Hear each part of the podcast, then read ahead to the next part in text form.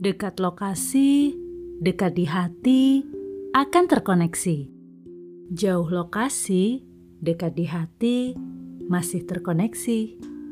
Dekat lokasi, jauh di hati, belum tentu terkoneksi.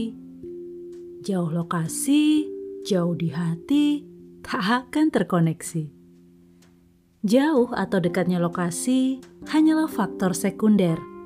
Primernya hati. Selagi hatinya baik-baik saja, hatinya menginginkan, jarak bukannya kendala.